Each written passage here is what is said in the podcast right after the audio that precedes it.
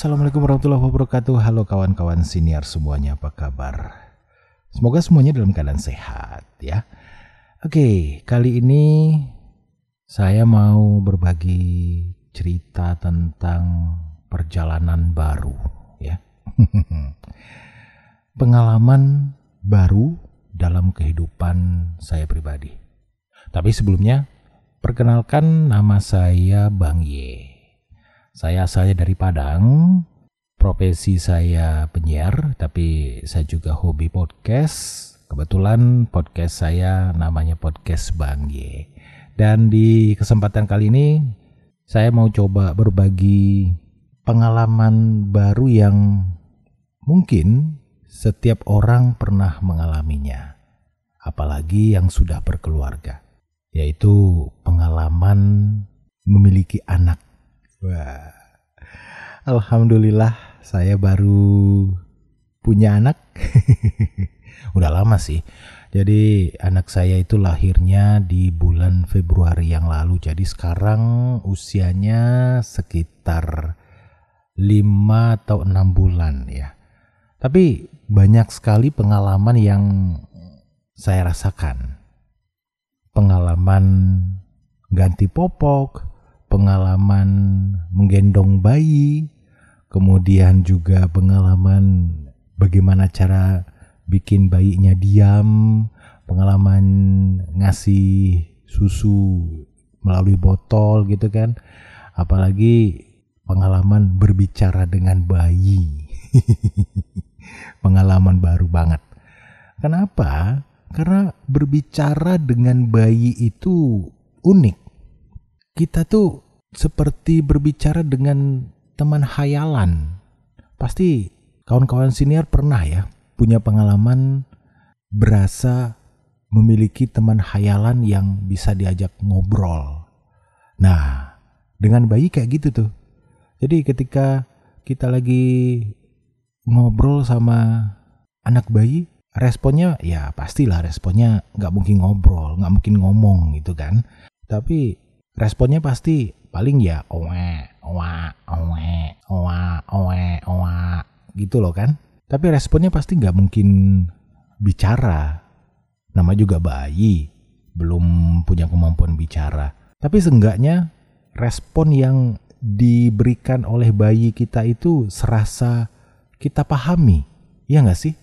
Ketika kita bilang halo nak apa kabar? Gimana hari ini Terus dijawab, wah, wah, aduh, abah. Kayak benar-benar direspon dan kita tuh ngerasa paham dengan dengan bahasa bayi, iya kan? Pasti gitu.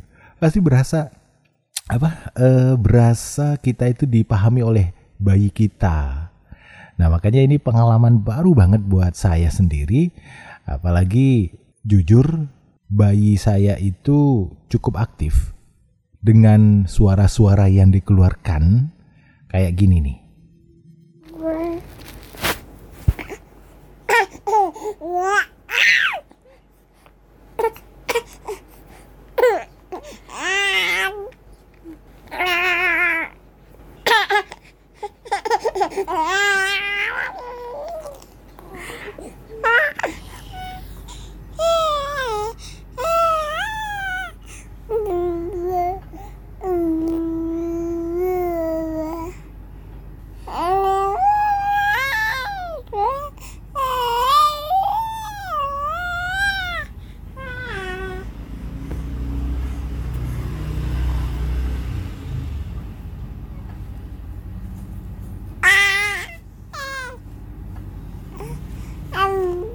Nah, jadi ketika si bayi itu saya ajak bicara, dia respon.